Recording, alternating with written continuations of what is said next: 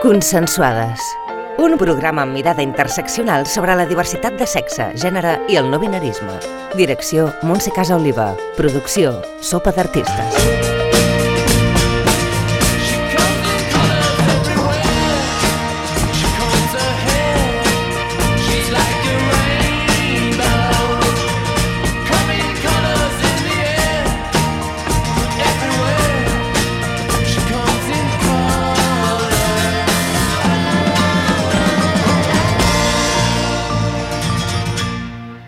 Soc Montse Casaoliva, il·lustradora eròtica de dissidències sexuals i defensora de la diversitat de gènere.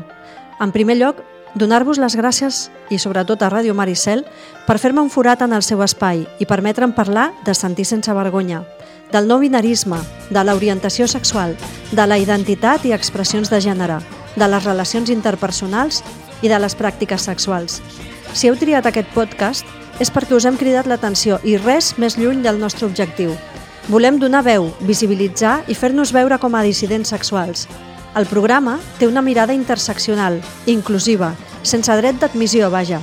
De manera que aquí hi entra qualsevol persona, de qualsevol diversitat, que vulgui dir la seva, que necessiti dir la seva i que triï un mitjà públic com la ràdio sitgetana Maricel per ser escoltada. Per què consensuades? Perquè les persones ens relacionem, sigui de la manera que sigui, i creiem absolutament necessari que hi hagi un consentiment, expressat explícitament sense que pugui existir cap mena de dubte al voltant de la relació, els riscos, les accions i les conseqüències estiguin clares. Tota relació hauria de tenir un marc que contempli aquests paràmetres, fent que les i els participants no tinguin una percepció distorsionada de la realitat.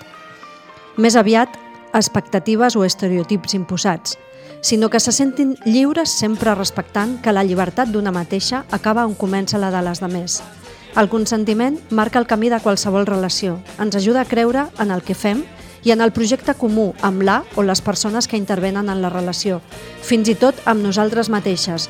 Consensuar les relacions amb el nostre grup, li diguis família, tribu, amigues o persones, dona sentit a aquest programa Consensuades. Ah, i una dada important, la diferència entre maltractar o tenir el poder en una relació i viure-la amb llibertat i d'una manera emocionalment equilibrada sense abusos és precisament el consentiment. Benvingudes a Consensuades. Un velo invisible cubre su rostro del duelo que no hay tiempo para llorar. Madre es el nombre más grande, incuestionable, incondicional. De atarse hilos de esperanza, las muñecas marcas Doncs seguim amb el programa Consensuades. Tenim amb nosaltres a la Maria Melgarejo. Ella és eh, jurista feminista que treballa amb, un organisme públic. Eh, estem aquí per parlar de la llei del solo sí és sí. Voldria aclarir, perquè és un punt que m'ha demanat ella, que aquesta llei, el seu nom, eh, perquè la coneguin tothom, és Llei de Garantia Integral de la Libertat Sexual de la Mujer, de manera que mm, no només ens hem de basar en la part del consentiment, que és molt important dintre de la llei, sinó que ella ara ens parlarà de, de totes les virtuts que té. Eh, benvinguda, Maria. Hola, eh, doncs res, micro obert per tu i explica'ns una miqueta doncs, aquesta manipulació que hi ha hagut de l'opinió pública envers a, a, a aquesta llei i, i, i sobretot veiem tota la part positiva que ens pot aportar com a dones. Molt bé, bueno, gràcies Montse i agraeixo molt al programa doncs, poder tenir aquesta finestra no? per poder, eh, justament com deies, doncs, poder parlar eh, de manera tranquil·la, sossegada, eh, doncs d'aquesta nova norma que aplaudim molt des, de, des del moviment feminista. Eh, M'agradaria gràcies per posar-li el nom que li pertoca, perquè sí, és la llei, a més és orgànica, és una llei, una llei que és programàtica, és una llei estatal, que, que, bueno, que eh, com bé dius, doncs, ve a regular mm, la llibertat sexual de, de les dones, eh, dones adolescents i nenes, d'acord? Llavors, el que és important és que la llibertat sexual eh, contempla que puguem exercir els drets eh, humans que tenim, que tenim dret, val, valgui la redundància, doncs les persones, que és la, la, el dret a la integritat física i moral i el, i el dret a la nostra dignitat. Aquests drets són, com he dit abans, drets humans. Eh, bueno, això que sembla una obvietat no ho és tant perquè quan, perquè, eh, tot i que nosaltres ho podem reconèixer, s'ha de reconèixer a nivell jurídic, donar-hi aquesta transcendència, i això a nivell de, eh, internacional, a la ONS i a nivell d'instàncies europees, ja s'havia reconegut ja feia uns anys, uns anyets, no gaire, tampoc, és relativament recent, doncs que aquests dos eh, drets fonamentals, com repeteixo, integritat física i moral i dret a la, a la dignitat, doncs tinguin aquesta qualitat. És important això per les proteccions futures que els hi puguem donar. Però això estava reconegut a nivell només de, de dones o a nivell d'homes i dones, a nivell de persones? No? A nivell de persones en general. Val? Llavors, eh, llavors què, què ha fet l'estat espanyol? Ho ha recollit en aquesta norma.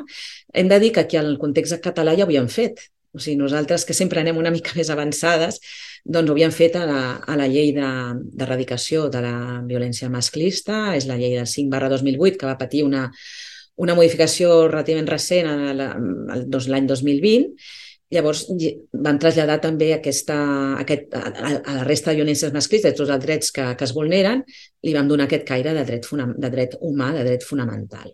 Llavors, això ho ha fet també l'ordenament espanyol. Ho ha fet a través d'aquesta llei eh, que, com dic, doncs, doncs, els eleva a, a, a poder ser protegits com a drets, eh, drets humans. Llavors, això és un avenç superimportant. Un avenç superimportant perquè, bueno, no només per, per la conceptualització que representa, no? elevar-los a aquesta categoria, sinó doncs, poder també que, que pugui gaudir aquest, dos tipus de drets d'instruments de protecció dels que abans no gaudien, i ara podrem entrar. Perquè mai havia hagut cap llei així per les dones. No, a Espanya no. A Espanya, eh, bueno, com a lleis relacionades amb temes de violència, tenim la llei del 2004, l'espanyola, que és contra la violència eh, hacia les mujeres, ¿no? Per la protecció contra la violència a les mujeres, però en, en l'àmbit de parella o exparella. Torno a dir, en el context català també en tenim una altra de violència, que és la del 2008, que he citat abans i que, que és més àmplia, vull dir que no només s'assenyeix a la violència exercida en, la, en el terreny més íntim, però sí, bé, evidentment, responent a la teva pregunta, és una, una llei nova eh, que se centra en una xacra molt, molt forta, que és tot el tema de, de la violència eh, sexual de les, de les dones. No? Llavors, per tant, ja, ja hem citat un tema molt important, que és el, el tema d'elevar de, a la categoria de dret humà eh, doncs, eh, aquests dos drets que es vulneren mitjançant la violència sexual contra les dones. Um, si vols, vaig una mica citant petits sí, aspectes, Montse, que sí, sí. m'agradaria posar, de, posar de relleu. Uh, com he dit abans, és una llei orgànica, per tant, no podem pretendre que sigui una llei que entri a, a molt detall. Les lleis orgàniques caracteritzen per ser programàtiques. Programàtiques vol dir que són lleis que necessiten amb desenvolupaments normatius posteriors, anar-se'n aterrant una miqueta. Mm -hmm. val? O sigui, hi ha coses, en determinats aspectes és més detallada i en altres es deixa una miqueta eh, en un futur desenvolupament. Val? Per tant, jo aniré una miqueta citant coses que també pel temps que tenim no, no puc abundar, sí, però que no, com a mínim que quedin apuntades i que serveixin que a l'audiència de dir bueno, pues que, que, que això és, és un tema que s'apunta i que no s'ha no escoltat abans. No? Eh, per exemple, eh, hi ha un tema en el, que, en el que es pivota i que és molt important, i això en els àmbits feministes ho lluem, que és el dret a la reparació de les víctimes. El dret a la reparació de les víctimes, què, què vol dir? És un, bueno, és un concepte una mica eh, com dir-te, genèric, però sí que és veritat que, que és, molt, és important en el sentit de que eh, les dones necessiten mecanismes d'acompanyament eh, que no siguin només els que pugui representar, poder denunciar, poder... Eh, bueno, en definitiva, sí, tampoc és que hi hagi eh, tradicionalment massa altres mecanismes de reparació que no sigui la, la denúncia i posterior pena del, del maltractador. Sí, però suposo que hi ha moltes dones que no tenen accés a aquest sistema judicial, no? Perquè mm -hmm. potser doncs són, pertanyen a col·lectius migrants en els que potser és més difícil acudir a un jutjat a, a, o a la policia mateixa a denunciar, suposo que protegeix una mica aquesta part, no? bueno, sí, eh, aquest dret de reparació està establert universalment per totes, però sí que és veritat que els col·lectius... Estàs parlant d'interseccionalitat, Montse, clar, al final. Clar. Què, què vol dir interseccionalitat? Aquesta paraula també és, és un tema relativament novedós, mm eh, que és un tractament de les violències no només eh, situant a la dona blanca, eurocentrista, amb un cert nivell econòmic, eh, amb un capacitisme impecable, sinó a, a altres dones amb altres realitats que, si més no, mm, en ser travessades per altres eixos d'opressió que no són només el fet de ser dona, com ara tu citaves les dones migrants, eh, les dones eh, doncs que, bueno, que, que, que estan en pobresa, en pobresa mm, femenina o altres aspectes, les dones amb, amb diversitat funcional, vull dir, eh, doncs tinguin aquesta, aquesta manera de, de poder accedir perquè normalment tenen més complicacions i evidentment el tema econòmic, com tu dius, de les dones migrants per poder tenir justícia gratuïta, evidentment, que també poden recórrer. Però ja no ens estem referint al tema d'accés a la justícia, que bueno, eh, té els, les, les seves problemàtiques, sinó el fet de que una dona, quan, quan és eh, violentada, doncs no només necessita el recolzament institucional eh, o més aviat mm, penal, sinó recolzament o, o gratificació, no? sinó també un seguit d'instruments, eh, d'instruments o d'entorn de, que, que l'acompanyi. No només l'econòmic, parlant de que hi hagi doncs, subvencions o indemnitzacions o, o que tingui un coixí econòmic doncs, per, per poder reparar, perquè moltes dones eh, han de deixar les seves feines eh, perquè bueno, eh, queden molt trastocades psicològicament, eh, bueno, doncs les afectacions psicològiques que es puguin pagar un psicòleg, en fi, hi ha altres tipus d'acompanyaments, a part de l'econòmic, que, que també aquesta llei eh, empara i promou, que és l'important, i això ho hem de garantir, o s'ha de garantir sobretot des de la institució pública. Llavors, això és un tema rellevant, que s'ha de desenvolupar, que s'ha de veure com es farà i que hi ha instruments que ja comencen a caminar. Aquí a Catalunya tenim el, el protocol marc, eh, protocol marc sobre temes de violència masclista, eh, masclista, eh? no és estrictament sexual, però la sexualitat, la violència sexual és una violència masclista,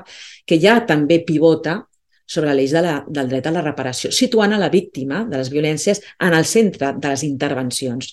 I això és, una, és, una, una, és un enfocament molt novedós que no es dona normalment. Per tant, és d'aplaudir que també la, la llei espanyola hagi apostat per aquest enfocament. Perfecte, molt bé. Aquest seria un, un altre punt a destacar. No sé si em vols fer alguna pregunta o vaig, vaig caminant. No, ves caminant, sí, vale. sí. Bueno, llavors, eh, hem tocat dos temes a la vegada, que és el tema del dret a la reparació i el dret de la mirada interseccional que té aquesta llei. Eh, aquesta, aquesta llei també aborda doncs que, que, no és, que no és el mateix eh, una violència sexual doncs, exercida una persona doncs, amb uns condicionaments més eurocentristes, com estàvem parlant tu i jo, sinó també altres... O sigui que totes, totes les intervencions que es facin, que es facin mirant amb, amb les altres realitats, els eixos d'opressió, que això és molt important. És molt important. Després, la, també es remarca molt la prevenció i la formació que han de tenir, el, no només eh, es parla sobretot de l'administració o del sector públic, Montse, i també del, aquí hem de fer-ho extensiu a tot el sector públic, vull dir a tots els operadors jurídics, a totes les operacions judicials, també a seu de jutjats, eh, doncs, que, que tinguin la sensibilitat de formació en gènere, formació en violències masclistes i tot el que sigui. I tu és conscient que això es fa, que això o sigui, s'arriba a aquests estaments perquè les, aquestes, aquests operadors judicials, com li dius tu, tinguin accés a aquesta formació? bueno, uh, aquí és un tema molt discutit, perquè, bueno, discutit, bueno, això són números que canten a vegades, no? Quantes formacions es fan a un col·legi d'advocats, quants en un col·legi Clar. de notaris... Bueno, vull dir, m'explico, però sí que és veritat que, eh, que, que per sort cada vegada es, es va estenent més. Jo crec que es va prenent consciència els moviments socials, la, la, tot el tema mediàtic per a bien o per a mal, hem vist que per mal, per, per, mal, per malament, per segons quines coses d'aquesta llei, però sí per altres coses, doncs va calant a la societat el, el, a la necessitat d'estar al cas d'aquesta consciència feminista. i jo crec que sí, que, que s'està estenent cada vegada més, però costa molt d'arribar. Costa molt d'arribar doncs, perquè a vegades hi ha fins i tot resistència dintre del mateix col·lectiu. Això és innegable, això no podem negar. Que hi hagi jutges, jutgesses, eh, fiscals, fiscal, fiscals que, que, que, bueno, pues que els costi entrar en, aquesta, en aquest sí, tipus de formacions. Pensament val? més a més del que hem comentat, Montse, també ja sé que queda molt poquet temps, que ja m'has advertit, doncs bueno, volia destacar també com a petits tresors d'aquesta llei doncs, el tema de la, del consentiment, que ja s'ha fet ressò a nivell mediàtic, però sí que és veritat que és molt important, oi, poder mm, basar la relació amb, amb un consentiment i, i no que la víctima hagi de provar que ha tingut intimidació, violència, d'acord?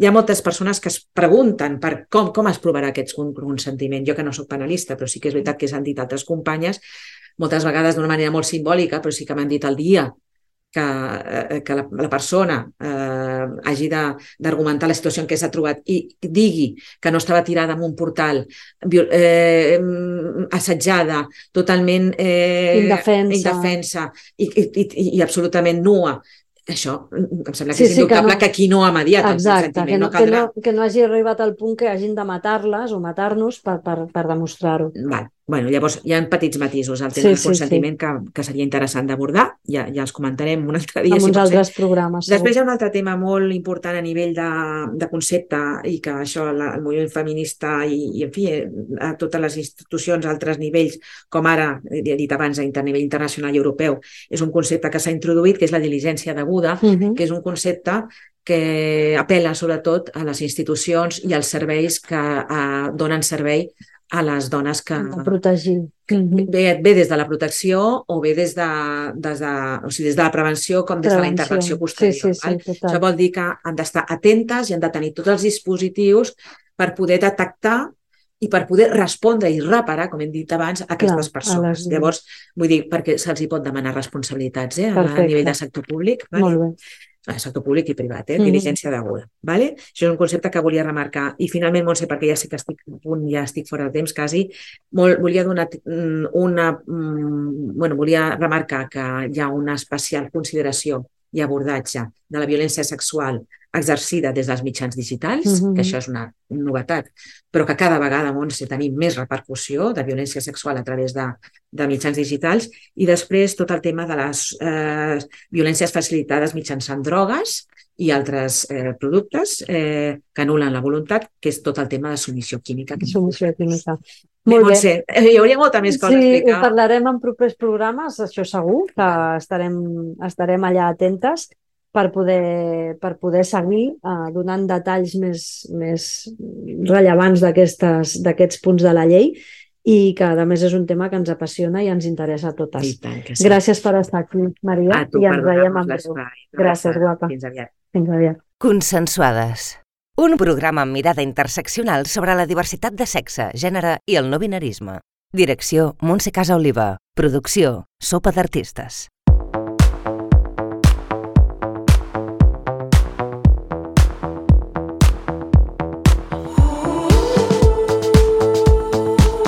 Bé, seguim amb un nou convidat. Ell és Juan Ra, un periodista especialitzat en política i gènere.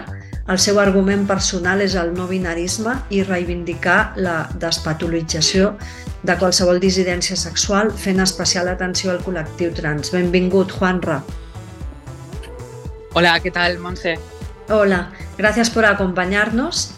Eh, bueno, Juanra, tú como periodista no binario, eh, no sé, dado que la sociedad nos impone que lo binario es, es, lo correcto y presupone una identidad sexual, siempre que seas cis, hetero, normativa, no migrante, no racializada, etc., todas las personas que no cumplen con esta norma se enfrentan a una discriminación, a odio, a procesos de culpa o de vergüenza, o sea que la vida, si encajas en los límites de la identidad sexual que se te marca, se hace mucho más fácil, pero eh, cuando no es así, pues se hace bastante complicada y eso lo sabemos bien los que pertenecemos a colectivos como tú y yo. Eh, entonces, bueno, dado que esta semana hemos tenido la triste noticia de que un adolescente trans se suicidó en Sallén, aquí en Cataluña, eh, vamos a hablar un poquito, pues bueno, ya que tenemos una ley trans que va a entrar en vigor el 2 de marzo, nos gustaría entender un poquito cómo ves tú esta, este gran avance a nivel, a nivel de las instituciones y a nivel legal. Pues la verdad que es a partir de, la entrada en vigor de esta ley, como has comentado, el próximo 2 de marzo, eh, es prácticamente un cambio, es una revolución, es un antes y un después dentro de la, no solamente a nivel institucional, sino también eh, social y culturalmente en, todo el territorio español. Y creo que además es un punto también de, eh, es un punto pionero de, a nivel de derechos humanos a nivel internacional. ¿no?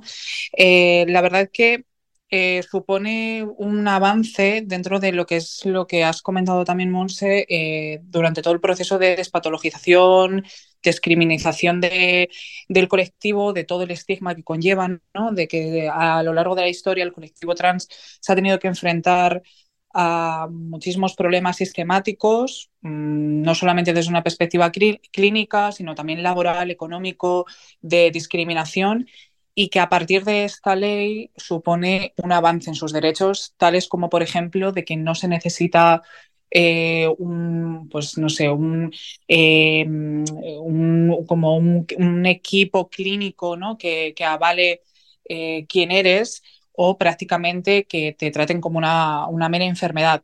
Es verdad que tengo que apuntar que esta ley, desde diferentes plataformas, como por ejemplo la plataforma de personas no binarias en España o incluso de personas eh, migrantes, eh, todavía le queda eh, ese punto ¿no? de, también de revisionismo, ¿no? de que en un principio esta ley se marcó, eh, es verdad, mucho más amplia abarcando también los derechos eh, de las personas no binarias, de las personas migrantes sin papeles o con falta de lo que se entiende como una regularización desde una perspectiva estatal y pues mediante todas las luchas políticas han dejado al margen muchos de estos derechos que creo o espero mejor dicho que en un futuro pues se, vaya evolucionando en ese sentido. Pero bueno, así es, es un avance de, la lucha trans. Mm.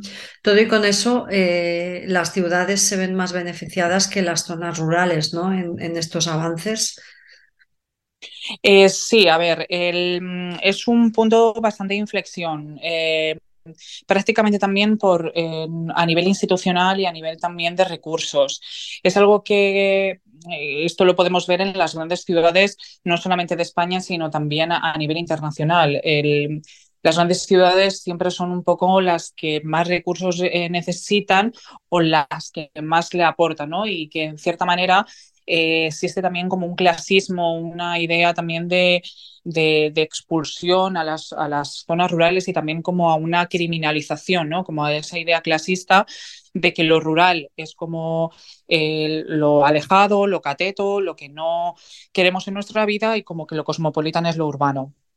Es verdad que eh, de esa manera se sigue también favoreciendo la escasez de recursos en zonas en donde no tienen las mismas oportunidades de desarrollo que a lo mejor una gran ciudad, ¿no? Y que eso, en cierta manera, sí que es cierto que mm, es propio de esas dinámicas también eh, urbanísticas que, eh, pues, mm, de desenfreno, que en cierta manera sí que muchas veces nos lo venden como, pues eso, ¿no? Como un paraíso, como si no existiese la discriminación en ciudades como Barcelona, Madrid, eh, Valencia, eh, Londres, París, pero luego es, un, es una idea ficticia, ¿no? O sea, es decir, no es un poco también la idea esa como capitalista de vender paraísos que en cierta manera muchas veces eh, en zonas rurales está tan criminalizado el hecho de, a lo mejor de eh, pues no sé, de derechos humanos eh, que parecen que son propios de, las grandes ciudades y que no pertenecen al ámbito rural,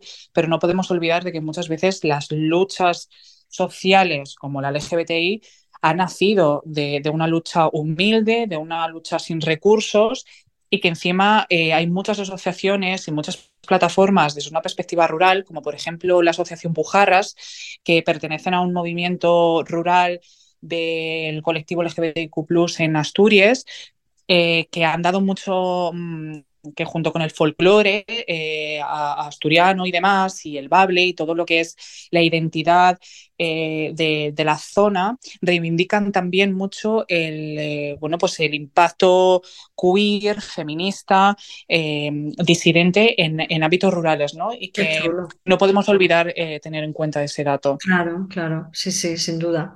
Qué interesante. Bueno, ojalá más comunidades tuvieran estas iniciativas, ¿no? Porque sería mucho más fácil para todos convivir y, ser felices, la verdad.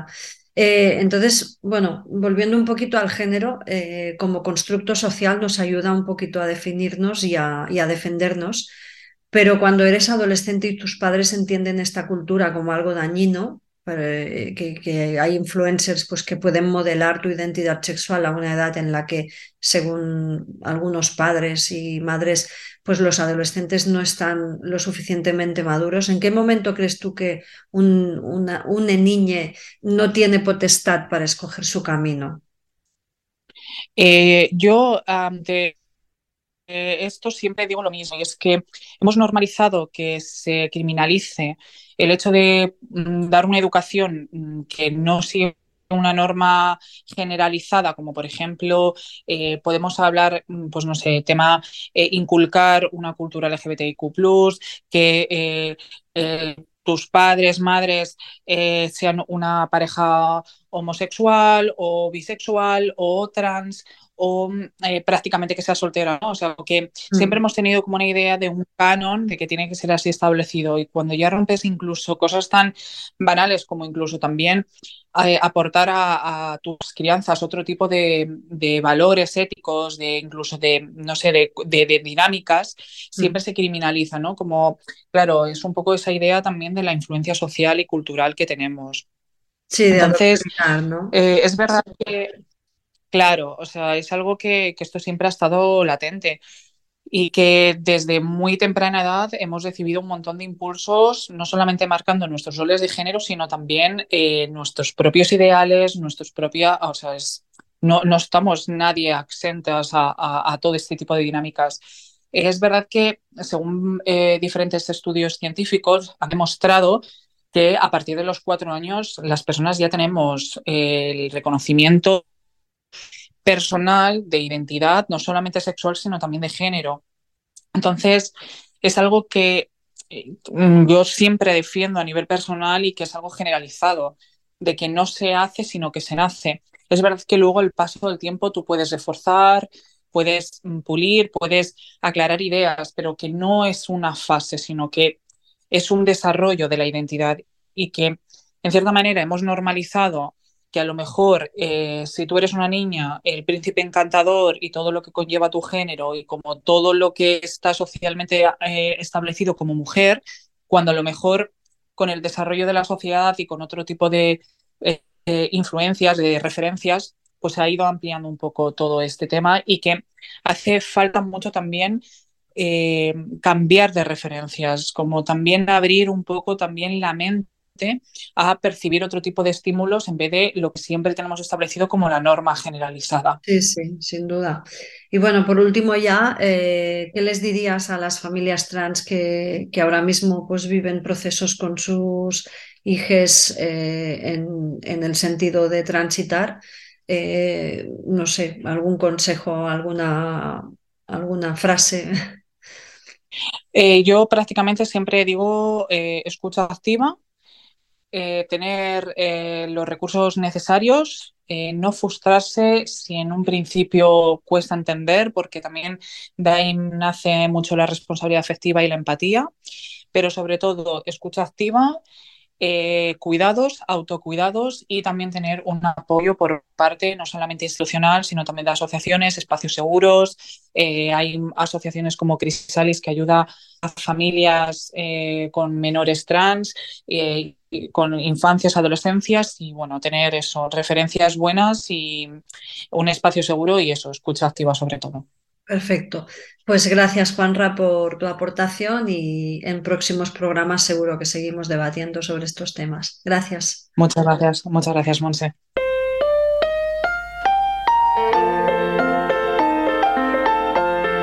Consensuades un programa amb mirada interseccional sobre la diversitat de sexe, gènere i el no binarisme. Direcció Montse Casa Oliva. Producció Sopa d'Artistes.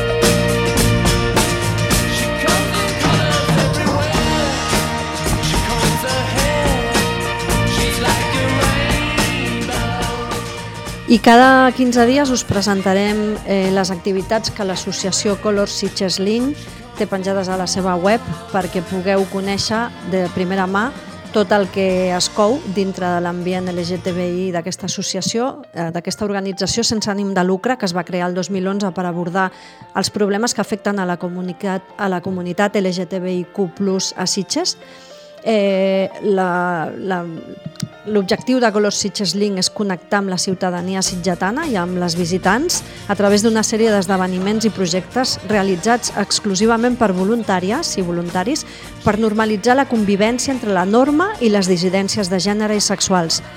És una entitat molt reconeguda com a pionera en activitats de suport i obertura de la diversitat de gènere i sexual i treballa en estreta col·laboració amb les autoritats locals i altres organitzacions sense ànim de lucre per defensar els drets humans, cuidar de les persones en l'àmbit emocional i de salut i programar diversió i cultura per totes. El lema de l'associació és l'orgull de crear comunitat i el nostre objectiu és fer de Sitges un lloc millor per la comunitat LGTBI per viure o visitar. Acabem el programa d'avui, molt contentes d'haver posat llum en terminologies desconegudes per moltes de vosaltres, curioses o interessants per la vostra vida. No oblideu enviar-nos les vostres històries o consultes per e-mail a radiomaricel.cat i tindreu l'oportunitat de tenir veu en aquest programa on esperem poder ajudar les persones a consensuar la seva vida en la nostra societat, fent de la convivència un dret humà fonamental que ens ha de fer felices, lliures i orgulloses. Gràcies per escoltar-nos i fins, ben, fins ben aviat.